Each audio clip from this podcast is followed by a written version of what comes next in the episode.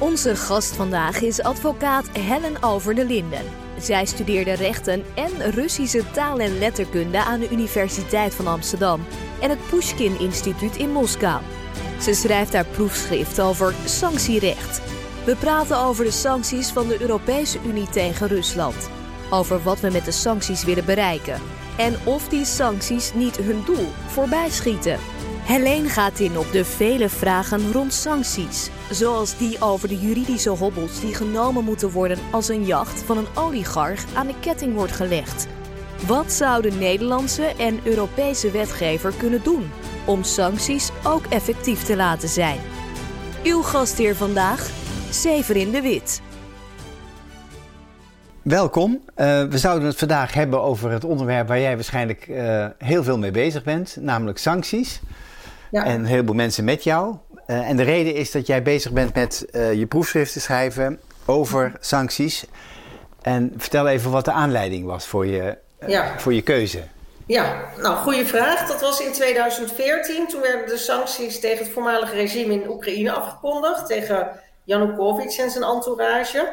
Dat was direct na de Maidan-protesten en de regime change in Oekraïne. In ieder geval, uh, toen verbaasde mij het heel erg dat zomaar allerlei tegoeden worden bevroren van deze personen, zonder dat er een rechtelijke beslissing aan vooraf gaat. Dus dat was eigenlijk de trigger, omdat ik ook advocaat ben, dat ik dacht, hè, vanuit Brussel komen er verordeningen en geen rechter die naar kijkt en uh, personen die zijn ineens al hun bezittingen kwijt. Dus toen ben ik op zoek gegaan naar een begeleider, een professor die dit interessant vond om uh, inderdaad het onderzoek aan te gaan wijden. En toen ben ik in Groningen terechtgekomen bij een historicus, weliswaar. En toen uh, ben ik begonnen met dit onderzoek. Maar aanvankelijk heb ik dus ook, omdat mijn hoofdbegeleider historicus is, heb ik ook de geschiedenis en de aanleiding tot het opleggen van de sancties helemaal tot op het pot uitgezocht. En dat komt ook nu eigenlijk heel erg van pas, nu de oorlog is uitgebroken, dat je het heel goed in een context kan plaatsen. Wat er toen allemaal gebeurd is. Ja. ja. Nou, we komen daar natuurlijk over te, over te praten. Uh -huh. laten we beginnen bij het begin. Sancties. Uh, iedereen heeft wel een beetje idee wat het is. Hè. We denken allemaal bij sancties aan uh, grote jachten die uh, worden in beslag genomen van oligarchen. Um, in een eerder gesprek, we hadden ter voorbereiding, meldde je me al dat sancties eigenlijk drie doelen, als ik het me goed herinner, dienen. -huh. -huh. Nou, in ieder geval in tenminste drie doelen. Want ja, de laatste tijd ben ik heel veel geïnterviewd voor de landelijke radio en tv. En steeds werd gezegd van, goh, sancties hebben toch als doel om Poetin weg te krijgen. Hij is nog niet weg. Zijn de sancties wel effectief? Maar dat is eigenlijk wat wij allemaal natuurlijk willen in het Westen. Dat Poetin eh, zich zo in het nauw gedreven voelt dat hij opstapt of de oorlog stopt. Dat is natuurlijk het, hoofddoel van de sancties, maar ze hebben ook inderdaad andere doelen. En dat is uh, duidelijk laten zien dat je dat regime uh, in, nou, waar we het over hebben, in dit geval Rusland, dat je dat afkeurt. Dus een uh, motie van afkeuring. En ook nog dat je steunt, een ander land steunt. In dit geval Oekraïne. Dat je laat zien van nou, Oekraïne, jullie zijn goed bezig, wij steunen jullie. En het kost ons ook eigenlijk zelf ook uh, allerlei omzet. En we krijgen mogelijk een energieprobleem. Maar dat is allemaal om te laten zien dat we achter jullie staan. Dus die ja. doelen heeft het in elk geval. Ja. En het, het heeft ook uh, economische doelen? Mm -hmm. Ja, je hebt eigenlijk een aantal soorten sancties, maar de twee hoofdsoorten zijn of uh, bevriezing van tegoeden van uh, nou, politici en oligarchen.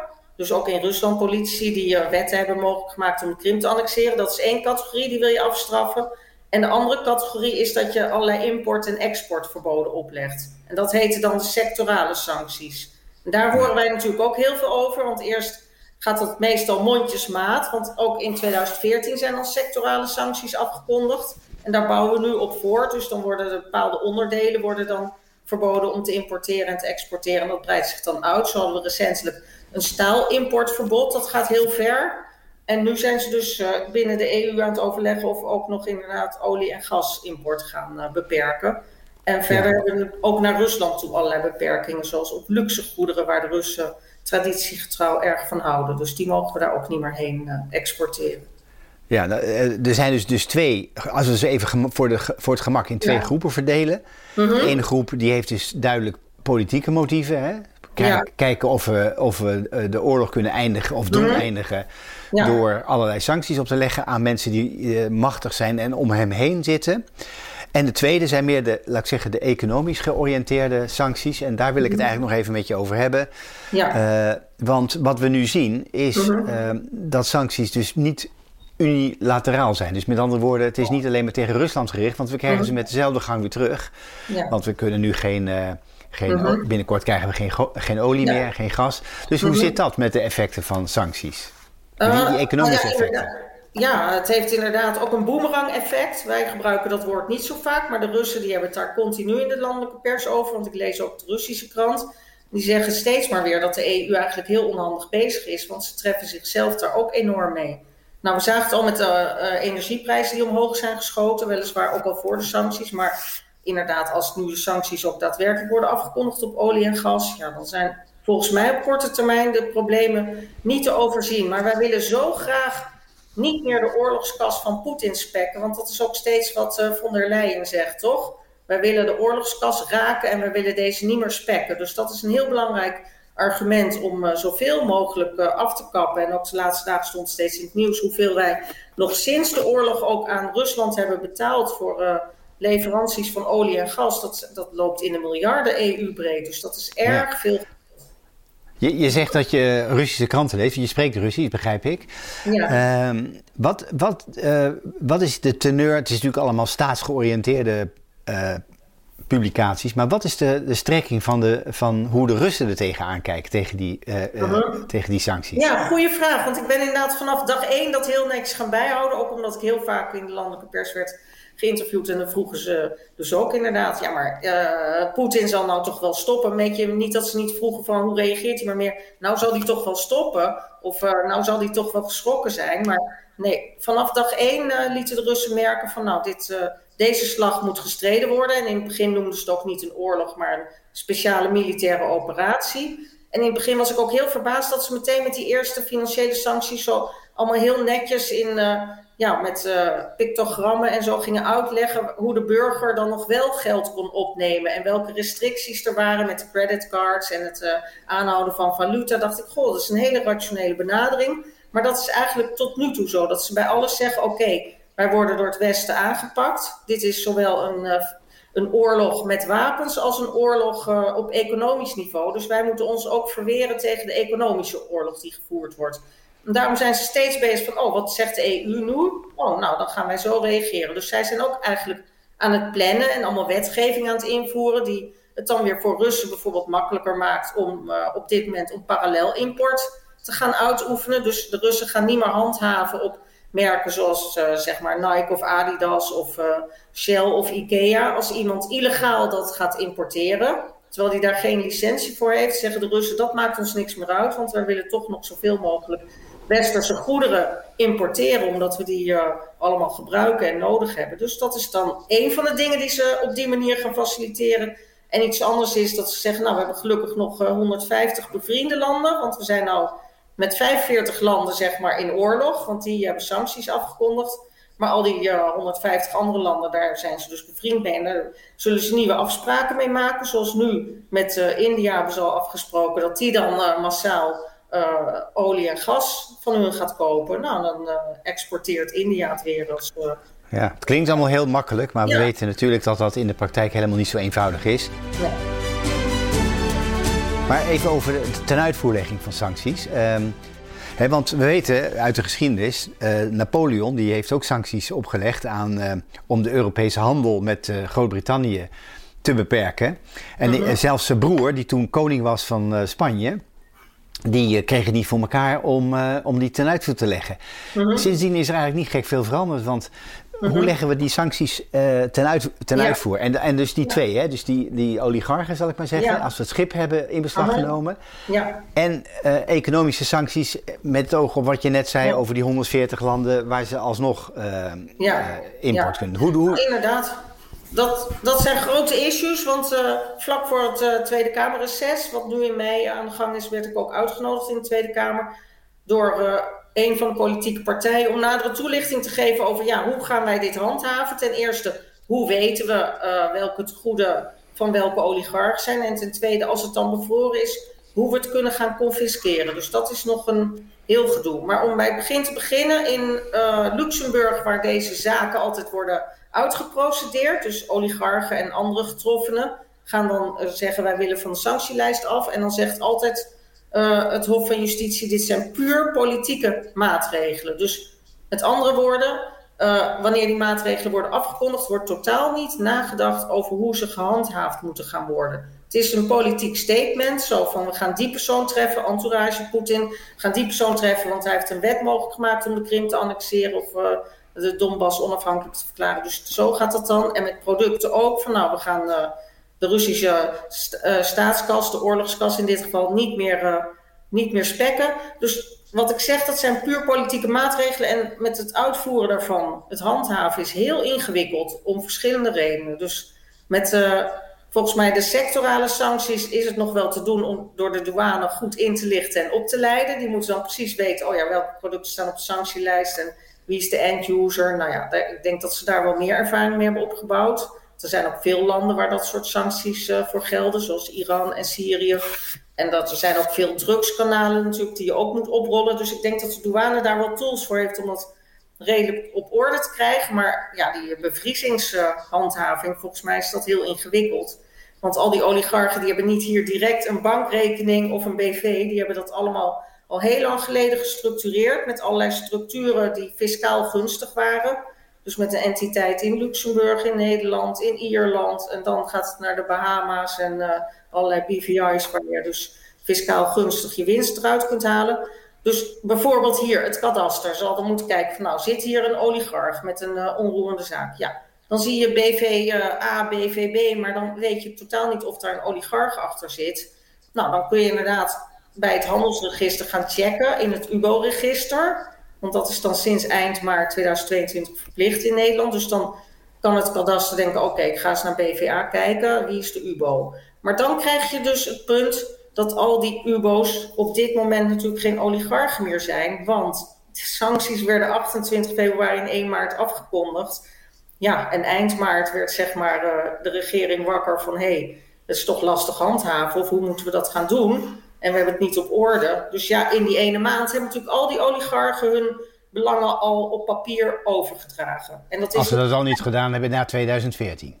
Ja, degene die er toen op stonden en een aantal die bang waren dat ze er nu op zouden komen, die hebben dat inderdaad ook ruim op tijd al gedaan. En degene die dat niet hadden verwacht, dat er zo massaal sancties zouden worden afgekondigd, die hebben dat meteen op 28 februari en 1 maart gedaan. Dus voor mij is dat niet een een, een, vermoeden, maar dat is gewoon een bewijs omdat een aantal mensen mij dat ook verteld hebben. En uh, ik zelf ook uh, een aantal mensen daarover heb gesproken. En het gekke daarbij is dat de RVO, dat is zeg maar de voorlichtende instantie van onze overheid, dan ook zelf zegt van nou ja, als er dan geen UBO meer zijn, dan hebben wij in ieder geval ook geen probleem meer. Dan hoef ik niet te handhaven. Met andere ja, een UBO, UBO even voor onze luisteraars die daar niet dagelijks mee te maken hebben. Dat is de, ul dat ultimate, is de beneficial... beneficial owner. Dus wie uiteindelijk, de, na al die namen en die BV's die ertussen zitten, wie is uiteindelijk degene die aan de touwtjes trekt? Ja, bijvoorbeeld Abramovic, die zal niet hier direct zijn schip uh, geregistreerd hebben. Daar zitten allerlei BV's tussen. En uh, dat heeft hij ooit zo gedaan om ten eerste niet bij Poetin in het vizier te komen. Want ook hij kan uh, van de een op de andere dag de vijand van Poetin zijn. En ten tweede om het fiscaal gunstig te structureren. Met een boot is dat misschien niet direct aan de orde, maar toch blijkt wel dat uh, heel veel van die boten ook in fiscale structuren zitten. Dus daarom moet je weten wie de UBO is. Maar om een ingewikkeld verhaal eenvoudig te maken, al die UBO's zoals Abramovic en uh, nou, wie is Deribaska, wie zijn er nog meer, Peter Aven, er zijn een heleboel bekenden. Die hebben allemaal hun belangen na 28 februari overgedragen. Dus dan zijn ze niet meer de UBO en dan, uh, ja, dan hoeft er niks bevroren te worden. Dan staan ze nog wel op de sanctielijst, maar dan zijn de bezittingen officieel niet meer van hun. En dat hebben ze dan massaal gedaan. En ik zou denken dat dat omzeilen is van de sanctieregels, want je hebt dit alleen maar gedaan omdat je op de sanctielijst kwam. Toen ben je snel je belangen gaan verkopen. Vaak in olie en goud en uh, uh, staalfabrieken. Nou, dat lijkt mij omzeilen. Maar op die manier hoeft er niks meer te bevroren te worden. En kunnen hun uh, stroommannen, want dat zullen het dan wel zijn, kunnen gewoon verder met zaken doen. Maar waarom ik denk dat dat niet een, een, legale transactie is geweest, want ook dat heb je in het fiscale. Dat moet dan een transactie zijn geweest, bijvoorbeeld met, uh, met een grote staalfabriek in de Oerol. Nou, die zal wel miljarden waard zijn als je die gaat verkopen. Dan moet dat een reële prijs zijn geweest. Dus als er nu nieuwe leiding zit of nieuwe aandeelhouders, dan ga ik er niet vanuit dat die die miljarden hebben betaald. Dus dan is het, als je het op een, met een fiscale bril bekijkt, is het geen uh, transactie die onafhankelijke derden ook met elkaar zouden plegen. Dus dan in het uh, fiscale heet dat dan vrouwslegis. Dus dat is weer aan de orde. Maar ik heb al gemerkt, onze overheid gaat dit niet handhaven, is veel. Nee, maar dat is gewoon niet raar. Want uh, ik bedoel, hoe moet je dat doen? Want laten we het voorbeeld eens nemen van dat schip... wat in de haven van Rotterdam, ik zeg maar wat, uh, ja. aan ligt. We hebben daar heel uh, stoer hebben we gezegd... ah, die ligt aan de ketting. Dan denkt iedereen, oh, dat, die ligt aan de ketting. Daar kan, kan je niks meer mee doen. Mm -hmm. nou, nou, het volgende vraag is... als je een beetje slimme advocaat bent... en jij bent de advocaat... wat, de, de rechtsgrondslag van die, van die inbeslagname, die zal er wel zijn... Maar vervolgens, wat gaat er dan gebeuren? Ja. En is het niet zo dat bijvoorbeeld bij inbeslagname de enige waar we, waar we ervaring hebben, is natuurlijk in het strafrecht. Als jij een illegaal wapen in beslag neemt, ja, dan mag je dat confisceren en dan mag het, hè, of goederen die mag je verkopen en van de opbrengst, um, et cetera. Maar mm -hmm. bij dit soort, wat is het, civielrechtelijke ja. Ja, inbeslagnames.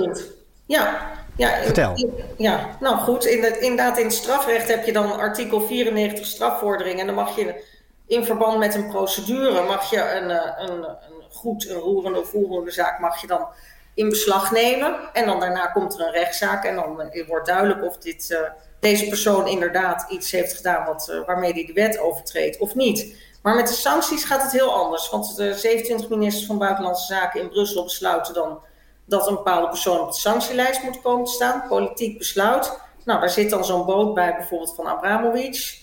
En ja, dan uh, moet hier in moeten in de havens degene die dat uh, beheer hebben over die boten, het onderhoud of de lichtplaatsvergunning hebben afgegeven, die moeten inderdaad die boot aan de ketting leggen. Nou, ten eerste wisten ze helemaal niet hoe dat moest. Want normaal als een schip aan de ketting wordt gelegd, dan komt er een deurwaarder langs met een rechterlijk bevel. En daar staat precies op welk schip en uh, van wie die is en uh, noem maar op, de naam, et cetera. Dus dan is het heel concreet en dan gaan ze die aan de ketting leggen. Maar nu met zo'n verordening uit Brussel. Er staat niet eens op wat deze persoon allemaal heeft. Dus het is gissen. Nou, en dan uh, moet je inderdaad daar. Dat, dat moet je dan bevriezen. Bevriezen is een woord wat wij in, Nederland, in het Nederlandse recht niet kennen. Dus in het strafrecht hebben we gezegd: oké, okay, conservatorbeslag, artikel 94 strafvordering is vergelijkbaar. Maar ja, in het civiele het administratieve recht kennen we bevriezen totaal niet. Dus daarom was er ook heel veel commotie toen dat moest gebeuren. Dus dan nou, is uiteindelijk gebeurd dat die schepen liggen vast aan de ketting. Die mogen niet meer weg. Maar ja, dan is de volgende vraag: wie gaat het onderhoud of de lichtplaats betalen? En een schip in aanbouw mag het nog afgebouwd worden. Ja, wie gaat dat uh, dan ook weer betalen? Want de oligarch, zijn bankrekeningen zijn bevroren. Dus hij kan niks meer betalen en mag ook niet. Dus dat gaf heel veel issues. Maar nu is het volgende punt, en daarom was ik ook in de Tweede Kamer uitgenodigd, 21 uh, eh, april, jongsleden om uit te gaan leggen. Ja, hoe gaan we dan nu bijvoorbeeld met die schepen en met onroerende zaken waar, uh, waar die bevriezing op van toepassing is, hoe gaan we dat confisceren? Toen zei ik altijd, het is een heel lastig punt, omdat ja, het is niet officieel via een vonnis dat er conservator beslag op ligt. En deze personen die hebben ja, nog geen strafbaar feit gepleegd, want het zijn van oligarch op zich en het hebben van een schip wat je met je winsten hebt gekocht, is geen strafbaar feit. Dus dat is wel een probleem. Dat de wetgever moet nu eigenlijk iets gaan bedenken. Waar heb ik ook suggesties gedaan. Bijvoorbeeld dat oligarchen dan lid zijn van een criminele bende. Waarvan Poetin de leider is. Ja, je moet iets gaan bedenken. En dat ze zich daardoor door het regime van Poetin extreem hebben verrijkt. Kunnen we ons niet uh, wat gelegen laten liggen hoe de Amerikanen dat oplossen? Ik heb uit het nieuws begrepen, uit de New York Times dat de regering uh, in Amerika een speciale wet uh, uh, naar het parlement heeft gestuurd. -hmm. Waarin inderdaad dit gebeurt, namelijk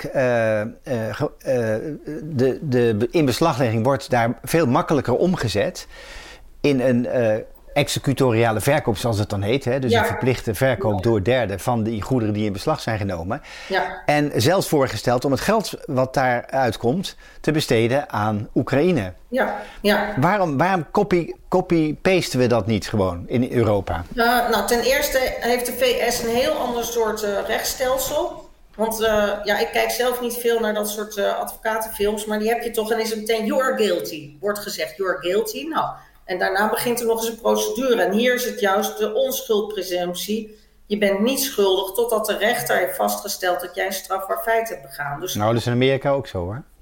Hm? Dat is in Amerika ook zo.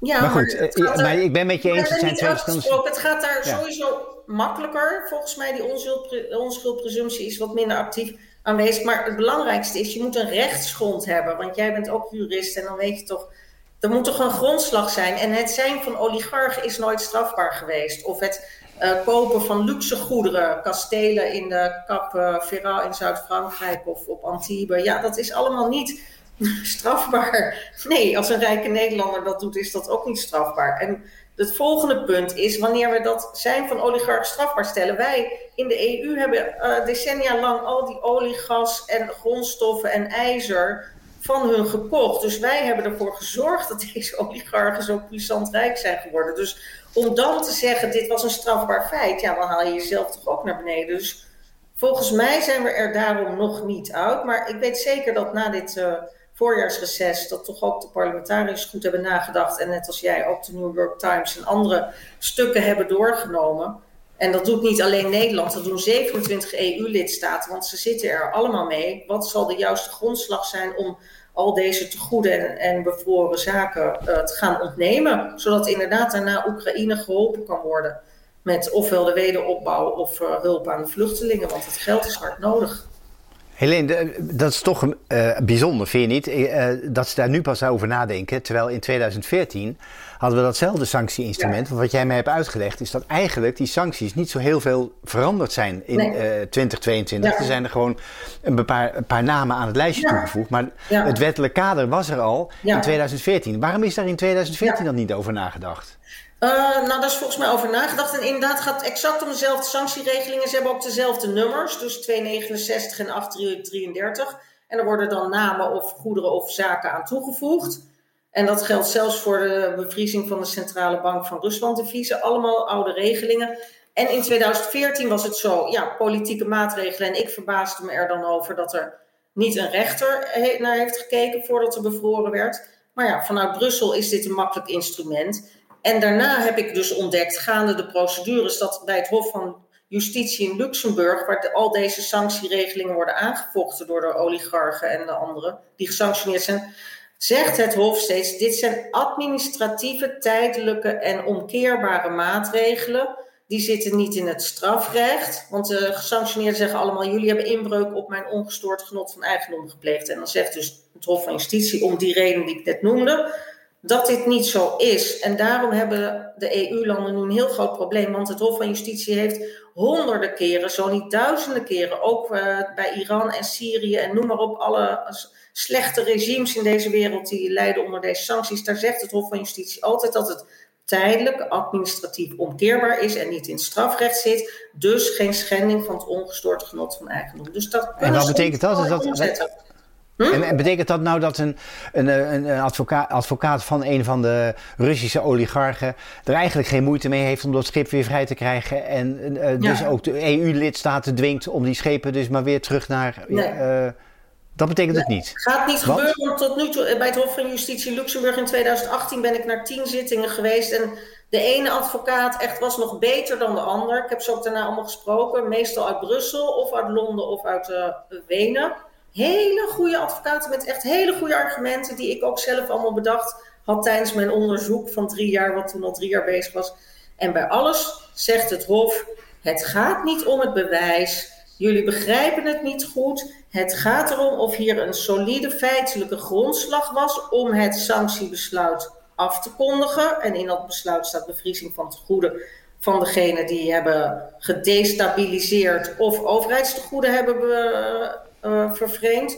En dan zegt het Hof van Justitie, deze grondslag, destabiliseren, overheidstegoeden verduisteren, dat is in strijd met de doelstellingen van de EU, met meer specifiek artikel 21 lid 2b van het verdrag van de Europese Unie, waarin staat dat de Europese Unie democratie en de rule of law brengt. Dus die mannen die zijn net als ik heel verbaasd. Het gaat helemaal niet om het bewijs wat ze aanvoeren. En ook niet als ze zeggen, we hebben niks verduisterd, dit was eerlijk verdiend. Nee, het gaat om de doelstelling van de EU. En dat is dus helemaal het onderwerp van mijn onderzoek, omdat niemand heeft dit tot op het bot uitgezocht. En dat is zo interessant en zo ongelooflijk voor een jurist, dat ik daarom al met heel veel plezier jarenlang uh, dit uh, tot op het bot dat, dat, dat snap ik, dat snap ik. Dus eigenlijk zou de conclusie kunnen zijn die, die schepen, laten we daar maar weer even op, op uh, toe beperken, Die, die, blijven liggen totdat de sancties worden opgeheven. En dat kan zijn nadat er een oorlog eindigt in een vredesregeling. Dan zouden die schepen weer vrij kunnen komen. Maar mhm. ondertussen, je zei het net zelf al, mhm. dit, dit, zijn geen zeilbootjes. Dit zijn mhm. gigantische schepen met enorme kosten voor de havens waar ze in liggen. Zou dat misschien ook verklaren waarom niet alle landen even actief uh, bereid zijn om dit soort uh, jachten uh, in mhm. beslag te nemen? Ja. Waaronder Nederland. Ja, weer een heel goed punt. Want inderdaad, wie gaat voor de kosten van het beheer en onderhoud opdraaien? En dat is eigenlijk iets wat ik daarnet nog niet naar voren heb gebracht. Maar dat is ook een heel, heel groot hiaat in de sanctieregelgeving. Van inderdaad, zo'n schip ligt aan de ketting. Het paleis op Antibes is bevroren. Je mag er niks meer mee. Maar inderdaad, er is niks geregeld over beheer en onderhoud en kosten. En dan kom ik op uh, ook een stokpaardje van mij, dat in 2014, ongeveer gelijk met die uh, sancties tegen Janukovic en zijn entourage, is de Europese uh, verordening, de bevriezings- en confiscatieverordening van kracht geworden. En dat is een, een verordening die dus strafrechtelijke mogelijkheden biedt om te bevriezen en te confisceren.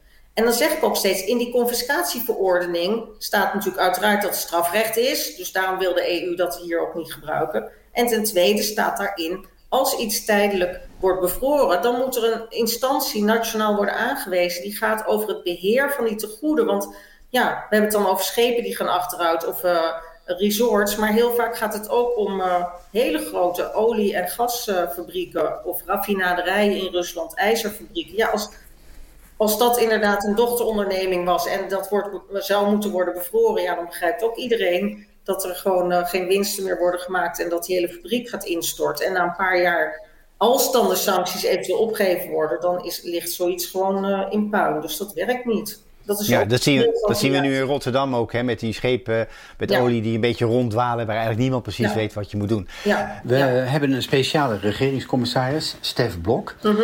Wat zou jouw advies aan hem zijn?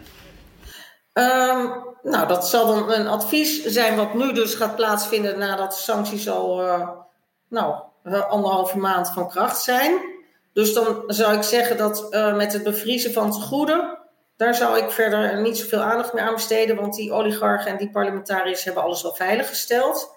Maar dan zou ik wel met hetgeen wat bevroren is, wat natuurlijk uh, peanuts is, 600.000.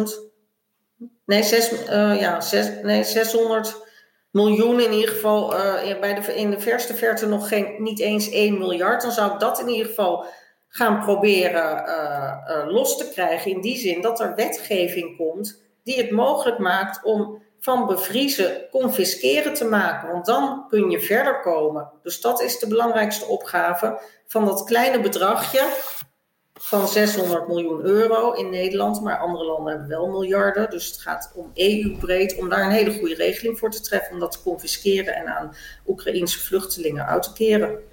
Um, ik, ik, zei de laatste vraag, maar nog een echte laatste vraag. Mhm. ik, heb, ik heb begrepen dat Italië op andere EU-landen vooruit uh, loopt mhm. met uh, uh, sanctie ten uitvoer leggen. En dat zal ongetwijfeld te maken hebben met het feit dat Italië natuurlijk een lange historie heeft van maffia. Mhm. ja.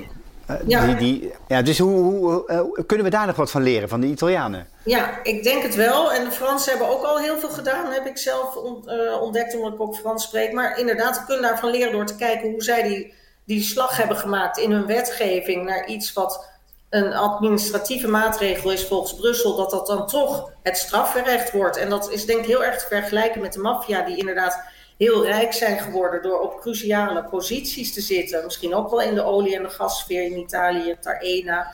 Dus kijken hoe zij die vertaalslag hebben gemaakt. Want ja, het gaat er nu om dat je iets in de nationale wetgeving moet verwerken, zodat je uh, aan de slag kunt, zeg maar. Dus heel goed idee om Italië als voorbeeld te nemen. Uh, Helene, dank voor je, voor je toelichting over dit uh, interessante en actuele thema. Ik wens je heel veel succes met je proefschrift. Enig idee wanneer je dat gaat afronden en wanneer je het gaat verdedigen? Nou, dat hangt ook van degene die het moet controleren af, want het is in klad klaar. Maar wat ik al een keer eerder zei, het heeft iets van duizend voetnoten die allemaal gecontroleerd moeten worden soms ook in het Russisch. En ja, professoren en begeleiders zijn ook allemaal heel druk. Maar ze hebben pas nog gezegd dat ze het heel snel, heel snel zullen gaan beoordelen. Mooi, dus daar heb ik goede hoop in. Ik hoop nog wel dat het dit jaar dan verdedigd kan worden. Dat is de insteek. Ja. Nou, wens je daar veel succes bij. En nogmaals dank voor het, uh, het feit dat je voor deze podcast beschikbaar was. Dank je. Ja, heel graag gedaan.